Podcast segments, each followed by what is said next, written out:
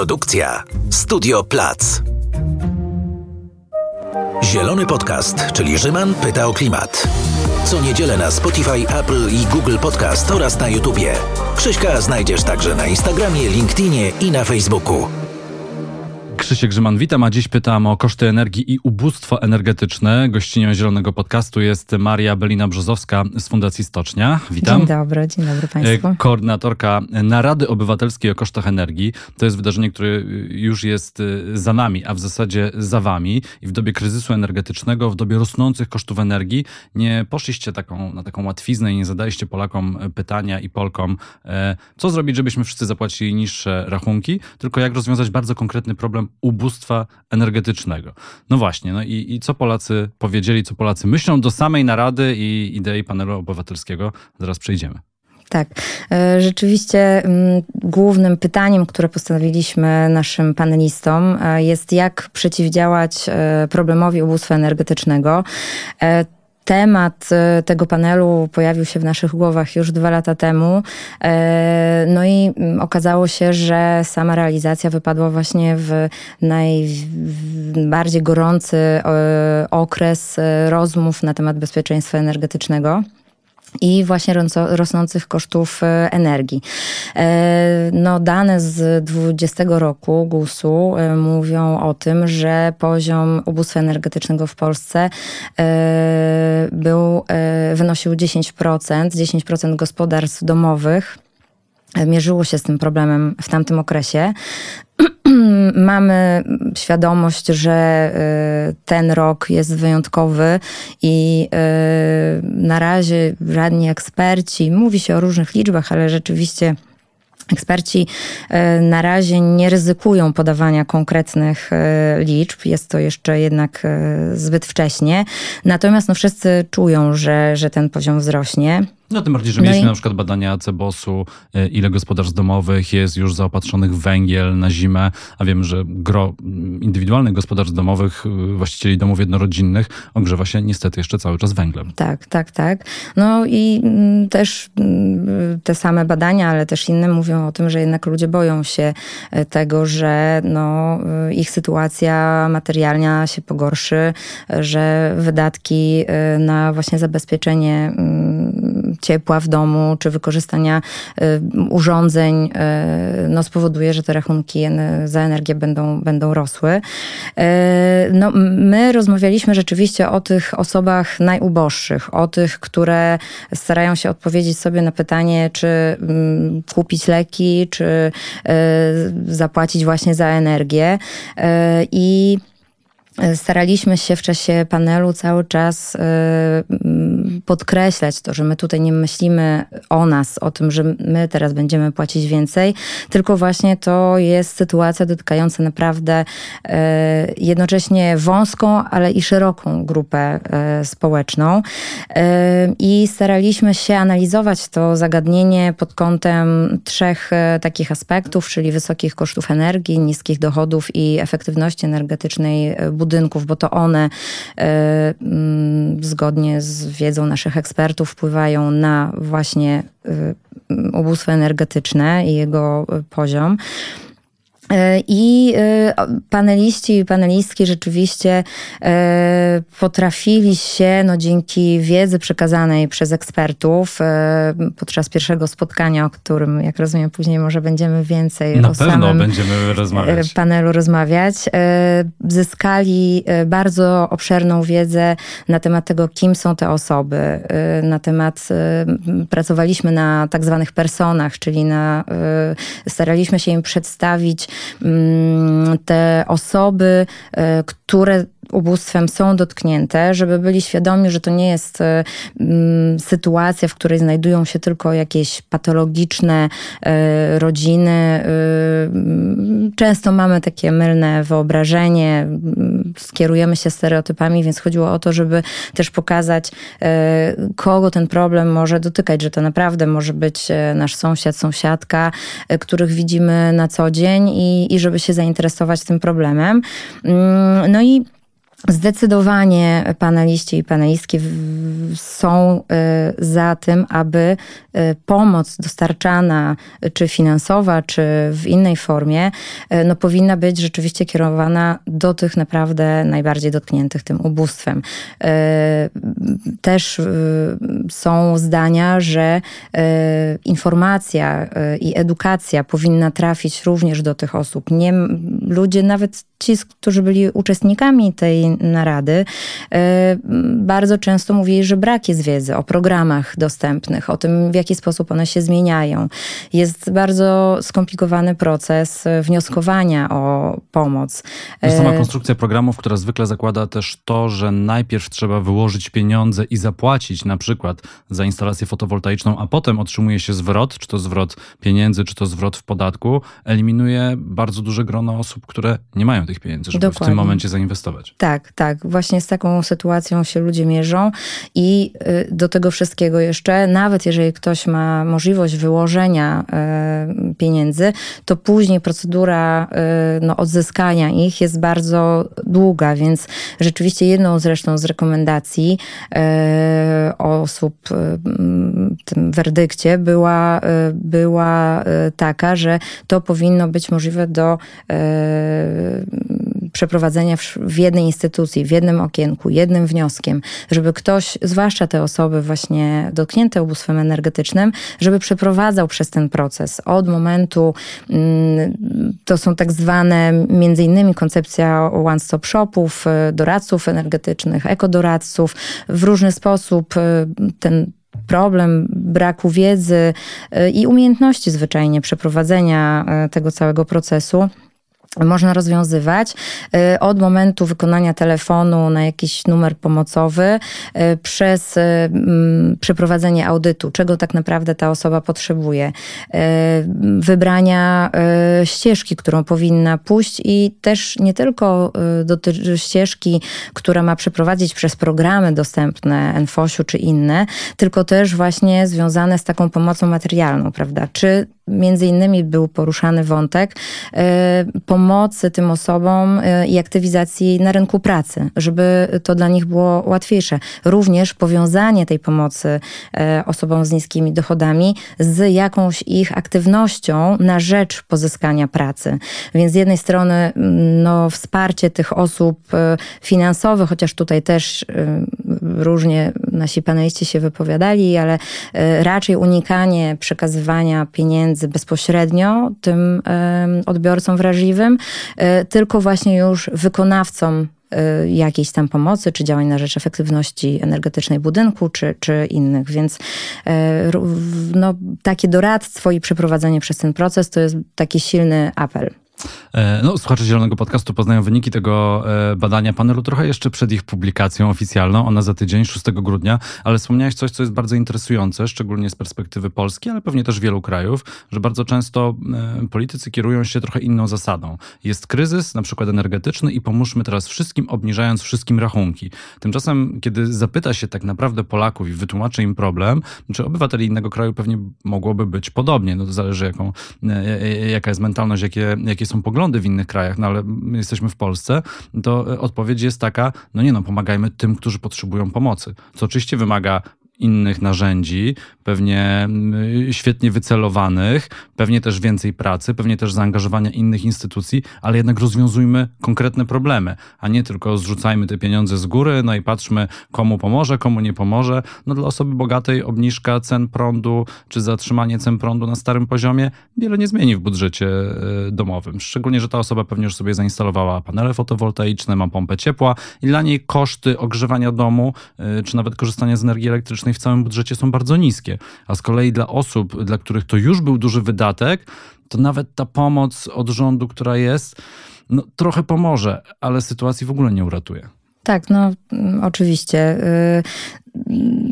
No, nasi eksperci tutaj też jasno się wyrażają na ten temat, że y, no niestety ta polityka, z którą mamy do czynienia w tej chwili, y, no, niepotrzebnego, zbyt szerokiego rozdawnictwa tych pieniędzy no, jest błędna, jest krótkowzroczna i, i zdecydowanie powinna być bardziej celowa, bardziej właśnie skierowana do tych osób, no, najuboższych, naj, najbardziej dotkniętych tą sytuacją, które e, no, mają problem z tym, żeby utrzymać to ciepło w domu. E, no, my z naszymi, jeszcze może tak dodam, że, że nasz panel nie miał e, za zadanie przynieść odpowiedzi, co my mamy zrobić tej zimy i w jaki sposób e, uratować tę sytuację, czy właśnie osoby e, dotknięte tym problemem ubóstwa energetycznego. Raczej staraliśmy się z panelistami i z ekspertami rozmawiać na temat rozwiązań systemowych, długofalowych, te, które jak już przetrwamy tę zimę wszyscy i, w lepszej bądź gorszej formie, będziemy wiedzieli, no dobra, no to zaczynamy działania, musimy się przygotować.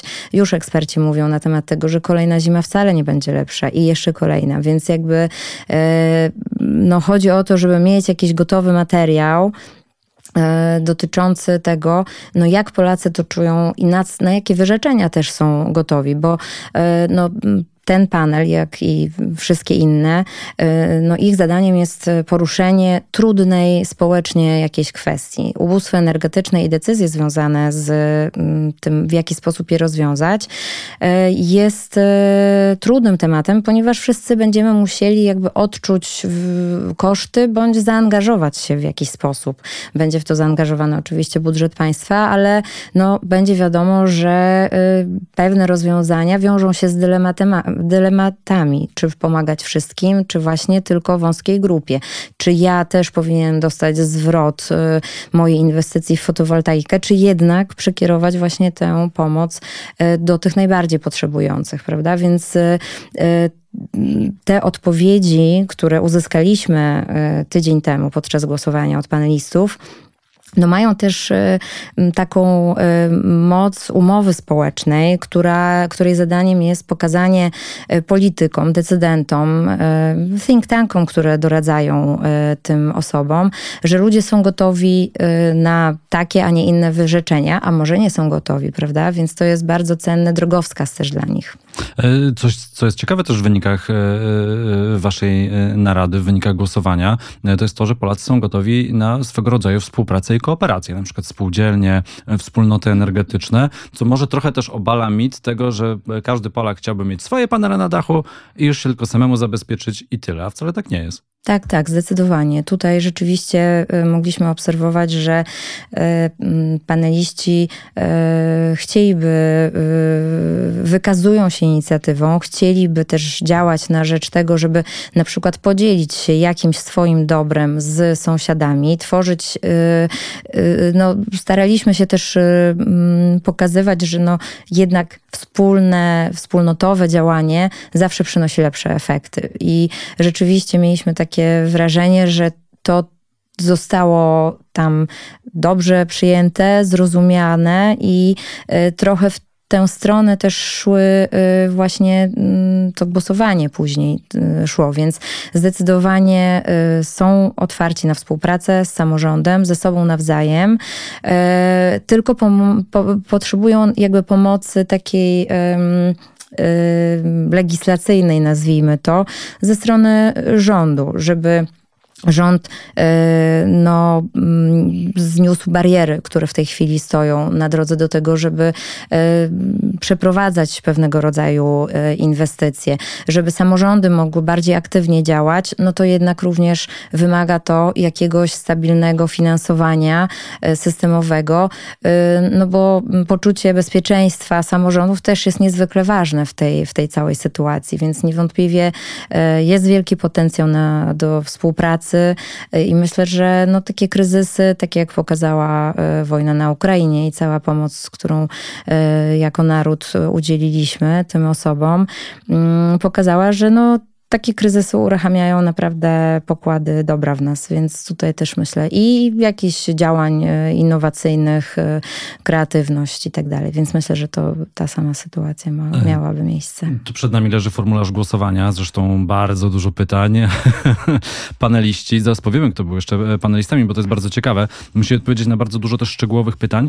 A czy rozmawiając o ubóstwie energetycznym nie uciekł wam temat kryzysu klimatycznego? Bo wydaje mi się, że bardzo często w tych dyskusjach w ostatnich miesiącach trochę ten kryzys klimatyczny, który tak naprawdę jest tym wielkim wyzwaniem, nam ucieka, bo pojawiają się te codzienne problemy i, i wyzwania. Mhm.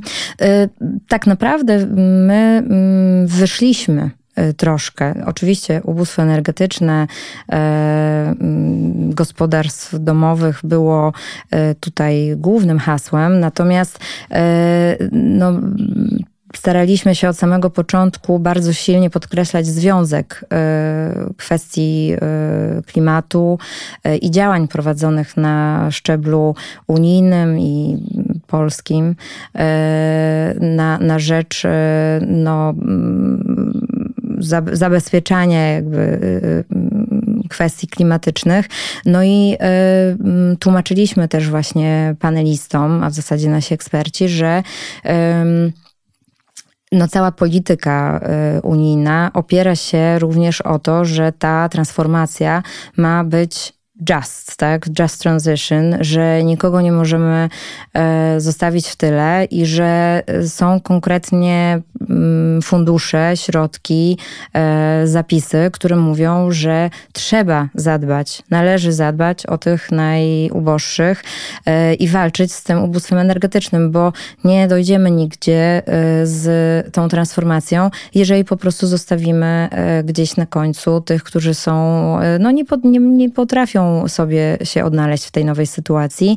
E, I to jest w interesie nas, nas wszystkich, żeby e, jakby doprowadzić do, do tego, żeby te osoby były razem z nami na, na pokładzie. Więc więc bardzo silnie podkreślaliśmy ten wątek klimatyczny. E, no oczywiście mm, wątek smogu, zdrowia, koszty energii to nie są tylko koszty cenowe, finansowe, tylko tutaj rozmawialiśmy o nich w szerszym aspekcie e, właśnie e, kosztów społecznych, ale właśnie również zdrowotnych, klimatycznych, więc mam nadzieję, że to też wybrzmiało w trakcie spotkań. I rozumiem, e, tak domniemuję, e, że wyniki głosowania były takie, że jednak idziemy w zieloną stronę, jeżeli chodzi Zdecydowanie. o, o energetykę. Zdecydowanie, tak, tak. Nie wchodząc za bardzo w szczegóły, e, szczegóły to mogę... Grudnia. Szczegóły 6 grudnia, może chwilkę przed, ale rzeczywiście jest silne poparcie wśród naszej grupy dla odchodzenia od paliw kopalnych, no i zwiększenia w miksie energetycznym źródeł OZE. E, więc to i to nawet wybrzmiało już na poziomie narad lokalnych, które w pierwszym etapie naszego projektu przeprowadziliśmy, że osoby wybierając e, różne dylematy na skali, którą zaprezentowaliśmy w takiej ankiecie kończącej spotkanie, e, no wybierali te rozwiązania, które mm, były skuteczne, ale jednak z silnym akcentem na to, żeby były e, ekologiczne, żeby mm, no, brały pod uwagę te, te kwestie klimatyczne. Więc to było dla nas e, miłym też zaskoczeniem, że, że jest bardzo silne zrozumienie potrzeby na rzecz e, działania na rzecz klimatu i no to pokazują w ogóle myślę wszystkie badania w tej chwili, że w Polsce poparcie dla takich działań rośnie, więc to tutaj pewnie w sumie nie powinniśmy być bardzo zaskoczeni, ale, ale to było fajne, że się potwierdziło. E, to powiedzmy o samym panelu obywatelskim, bo to jest bardzo ciekawa formuła, e, e, demokratyczna, partycypacyjna, do tego, żeby ludzie sami mogli zdecydować w ważnych kwestiach. Jak taki panel się organizuje, szczególnie na poziomie ogólnopolskim, no bo to jest pewnie dużo trudniejsze. Mówiłaś już, że to dwa lata przygotowań, żeby dojść do tego momentu, w którym teraz jesteśmy, do samych spotkań. Jak są badania opinii publicznej, to zwykle jest taka magiczna liczba około tysiąca respondentów respondentów w Polsce, żeby z 38-milionowego kraju zrobić badanie reprezentatywne. U was panelistów była ponad setka, czy, czy 100 plus 10, pewnie, pewnie zaraz powiesz. A jak się do tego dochodzi, do tej grupy, y, kto jest reprezentowany, czy wszyscy są y, reprezentowani, jak później wygląda sam proces? Tak, więc rzeczywiście w Polsce odbywały się wcześniej nara panele na poziomie y, miejskim y, i y, one odbywały się i w formule takiej fizycznych spotkań i online'owych ze względu właśnie na sytuację covidową. One były dotychczas organizowane przez miasta, przez władze i Najczęściej właśnie to władze organizują panele na poziomie ogólnokrajowym, e, czy w Irlandii, czy w Kanadzie, czy we Francji e, i w innych krajach, e, to jest inicjatywa rządu bądź prezydentów, żeby doprowadzić do takiej rozmowy ogólnokrajowej obywateli. U nas było to trochę inaczej. Nie jest to jeszcze sprawdzona formuła. Był to eksperyment, jak to mówi nasz e, szef Kuba Wygnański, e, taki lot e, w kosmos, który nie wiadomo było czym się zakończy. I, czyli, czyli oddolnie jakby to, to zostało zorganizowane. Ale też z pewnym zainteresowaniem polityków. Z zainteresowaniem, tak, walczyliśmy o nie trochę i rzeczywiście mm, bardzo z, z, dużym zaciekawieniem przyglądają się e, i same, samemu procesowi, ale też e, wynikom. E, więc mamy nadzieję też na ciekawą jakąś dyskusję i rozmowę 6 grudnia I to też podczas prezentacji. Z obydwu, z obydwu stron Jak najbardziej. Od samego początku zabiegaliśmy o zainteresowanie y, całej sceny politycznej, y, jak również y, całego wachlarza medialnego, więc na wszystkie nasze spotkania rzeczywiście zapraszani byli politycy lewej, prawej i środka, ale również media.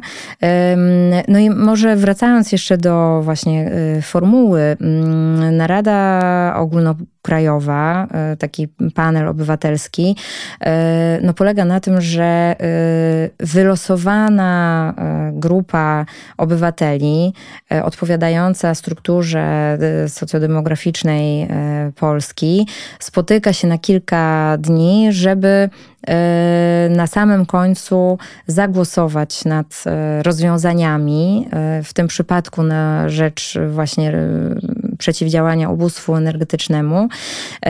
I my zatrudniliśmy agencję badawczą do tego, żeby wykonała ostatecznie kilkaset tysięcy telefonów, z których 113 tysięcy zostało odebranych, spośród których udało nam się przeprowadzić taką pełną rozmowę z trzema i pół tysiącami osób, z których ostatecznie około 200 się, ponad 200 osób zdecydowało się podczas takiej rozmowy przeprowadzonej z ankieterem, z rekruterem, z czego ostatecznie prawie 100 osób do nas ostatecznie dotarło.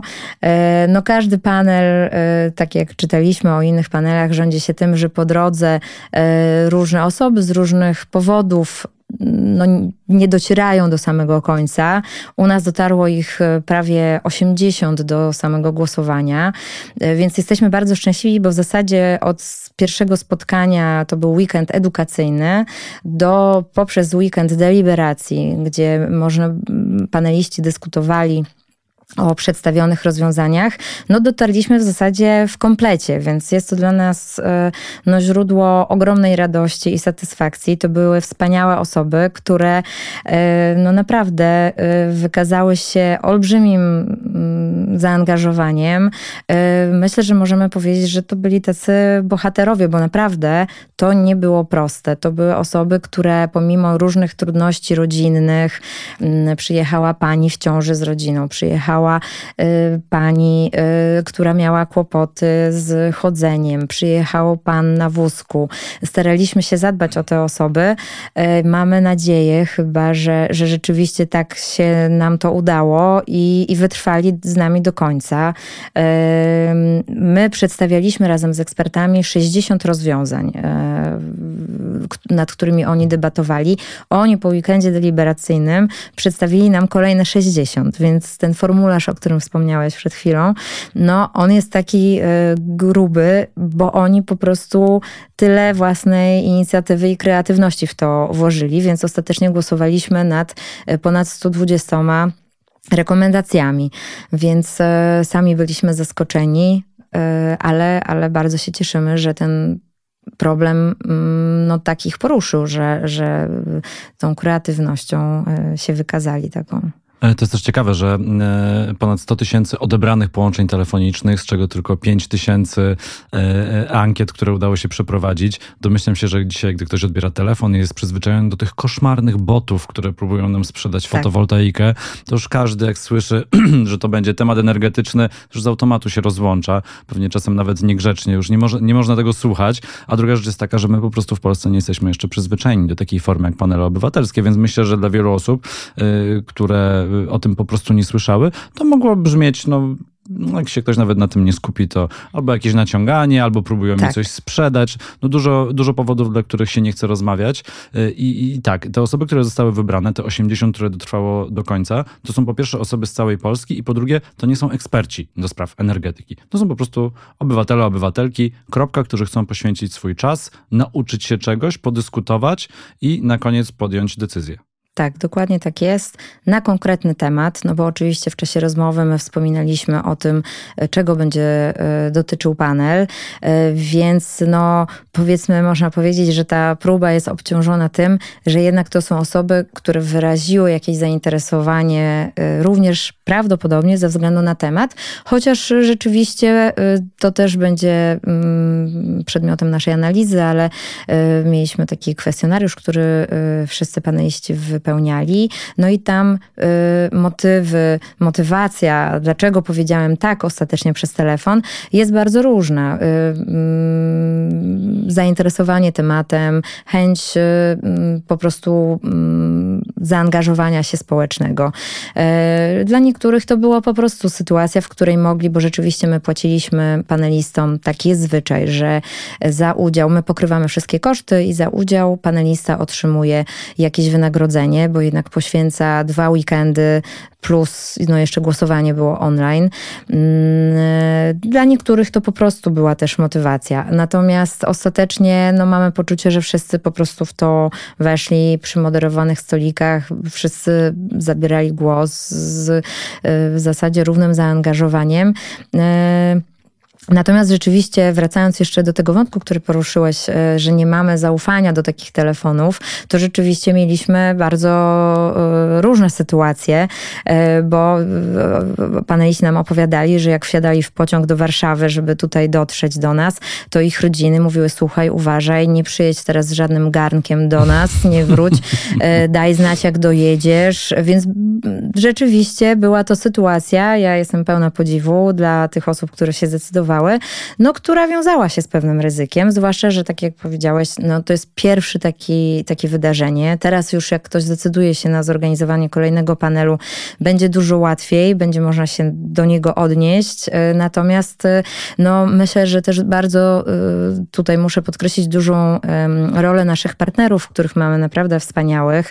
Oprócz Centrum Nauki Kopernik, Polskiej Akademii Nauk, mamy również na pokładzie dużo organizacji, które zajmują się się ubóstwem czy energetyką oraz klimatem. I to jest i Szlachetna Paczka, i Instytut na Rzecz Ekorozwoju, Instytut Badań Strukturalnych, e, Forum Energii, e, więc e, no całe szczęście oni myślę też nam troszkę swoim swoim logo, nazwijmy to tak, pomogli, myślę, zachęcić. Dokładnie tak. To jeszcze ten sam proces, bo on też jest bardzo ciekawy. Przyjeżdżają osoby, które nie mają wiedzy na dany temat, przyjeżdżają na ten pierwszy weekend edukacyjny, tak? I, i co wtedy? Siadają w sali i kto, kto im tłumaczy problemy, czy, czy z jakich punktów widzenia są też tłumaczone te problemy, bo to jest też bardzo ciekawe, tak? Jest przecież mnóstwo interesariuszy i jedni mają takie rozwiązanie, inni mają inne rozwiązanie, jedni mają taki pogląd, inni inny. Jak to wygląda i na jak to zmieścić wszystko w czasie, tak żeby nie zanudzić też tych panelistów, no bo jednak po całym tygodniu pracy, no takie wykłady, szczególnie na temat, który jest, no tak naprawdę bardzo też techniczny często, mhm. to, to może zmęczyć. Tak. Jak to wygląda? Y przygotowywaliśmy się do e, tego panelu rzeczywiście długo zastanawiając się i czerpiąc oczywiście właśnie z mm, doświadczeń innych krajów, w jaki sposób e, to do tego podejść. E, no i tutaj po prostu nasi eksperci też bardzo nam pomogli. Jeśli chodzi o ten weekend edukacyjny, rzeczywiście w pierwszej kolejności zwróciliśmy się do nich. Rozmawialiśmy mm, na temat tego, w jaki sposób przedstawić ten problem no to mm, opieraliśmy tę koncepcję o e, te, ten taki trójkąt e, związany z problemem ubóstwa energetycznego, czyli niskie dochody, efektywność energetyczna budynków oraz wysokie koszty energii. I poszczególni eksperci, poszczególne organizacje wzięły jakby na siebie skoordynowanie, przygotowanie takiej prezentacji we współpracy z innymi partnerskimi organizacjami, więc wiedzieliśmy, że nie możemy też troszeczkę doświadczenia czy panelu e, warszawskiego, czy mm, lubelskiego pokazały, że rzeczywiście nie możemy teraz pozwolić na to, żeby e, każda organizacja miała swoją oddzielną prezentację, no bo musimy właśnie zarządzić jakoś tym, żeby wątki się nie powtarzały i e, żeby mm, no, nie, nie zamęczyć tych, tych panelistów. I rzeczywiście e, to się udało. Dodatkowo jeszcze e, przed samym e, weekendem edukacyjnym zbieraliśmy, prowadziliśmy taką otwartą zbiórkę postulatów na naszej stronie. Można było wypełnić formularz i każdy tak naprawdę, czy organizacja, czy mm, jakiś mm, osoba, która po prostu interesuje się tematem energetyki czy środowiska, mogła zgłosić swój postulat, który później później był przedstawiany również e, panelistom. E, były wystąpienia trzech stron. E, stroną jest właśnie, właśnie organizacja czy, czy jakaś struktura, która ma swój jakiś pogląd na temat danego problemu i między innymi mieliśmy wystąpienie burmistrza z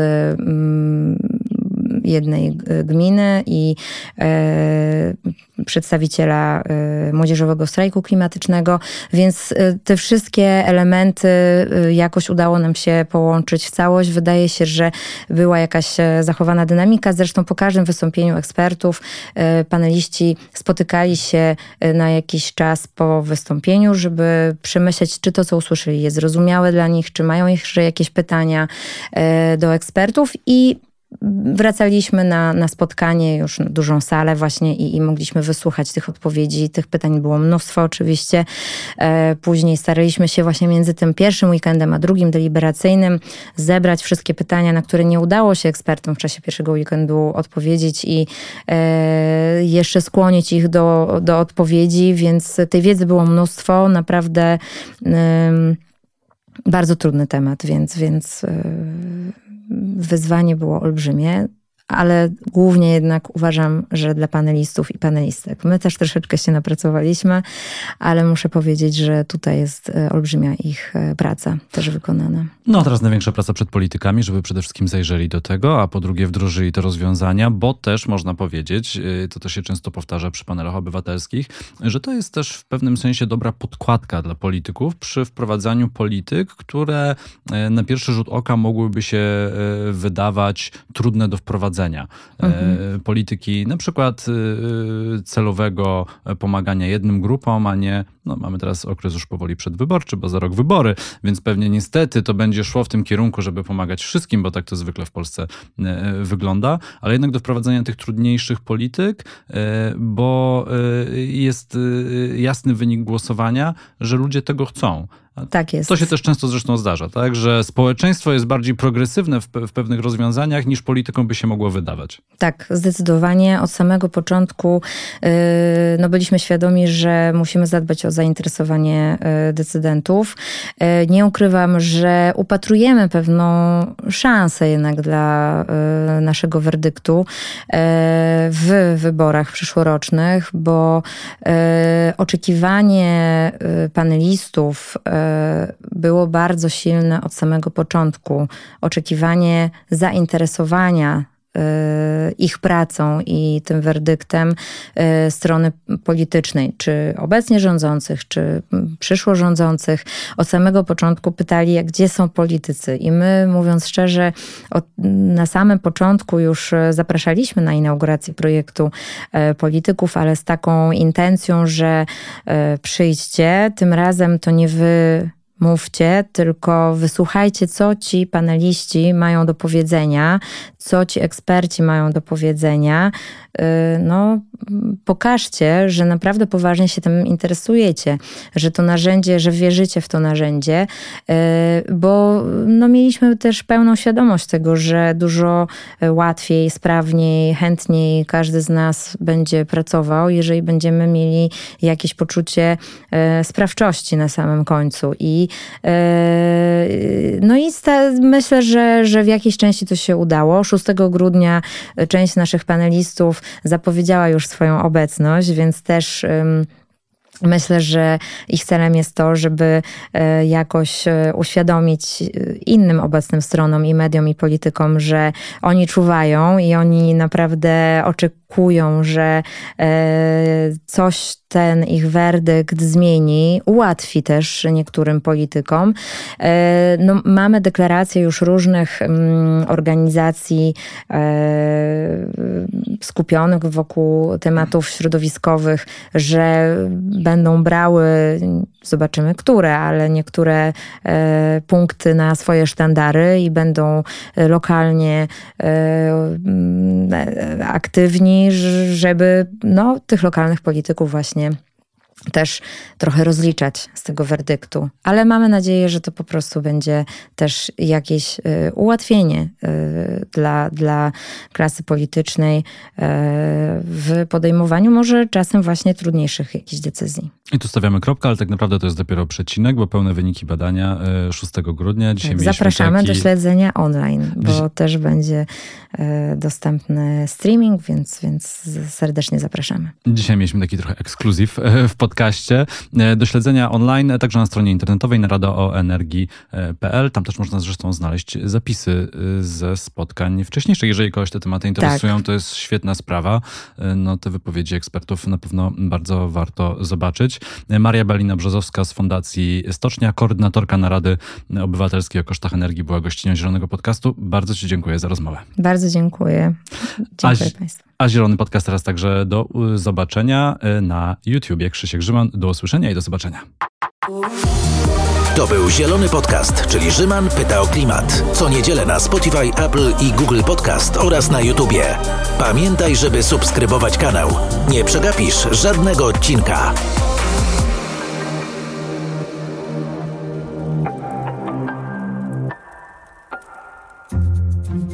Produkcja Studio Plac.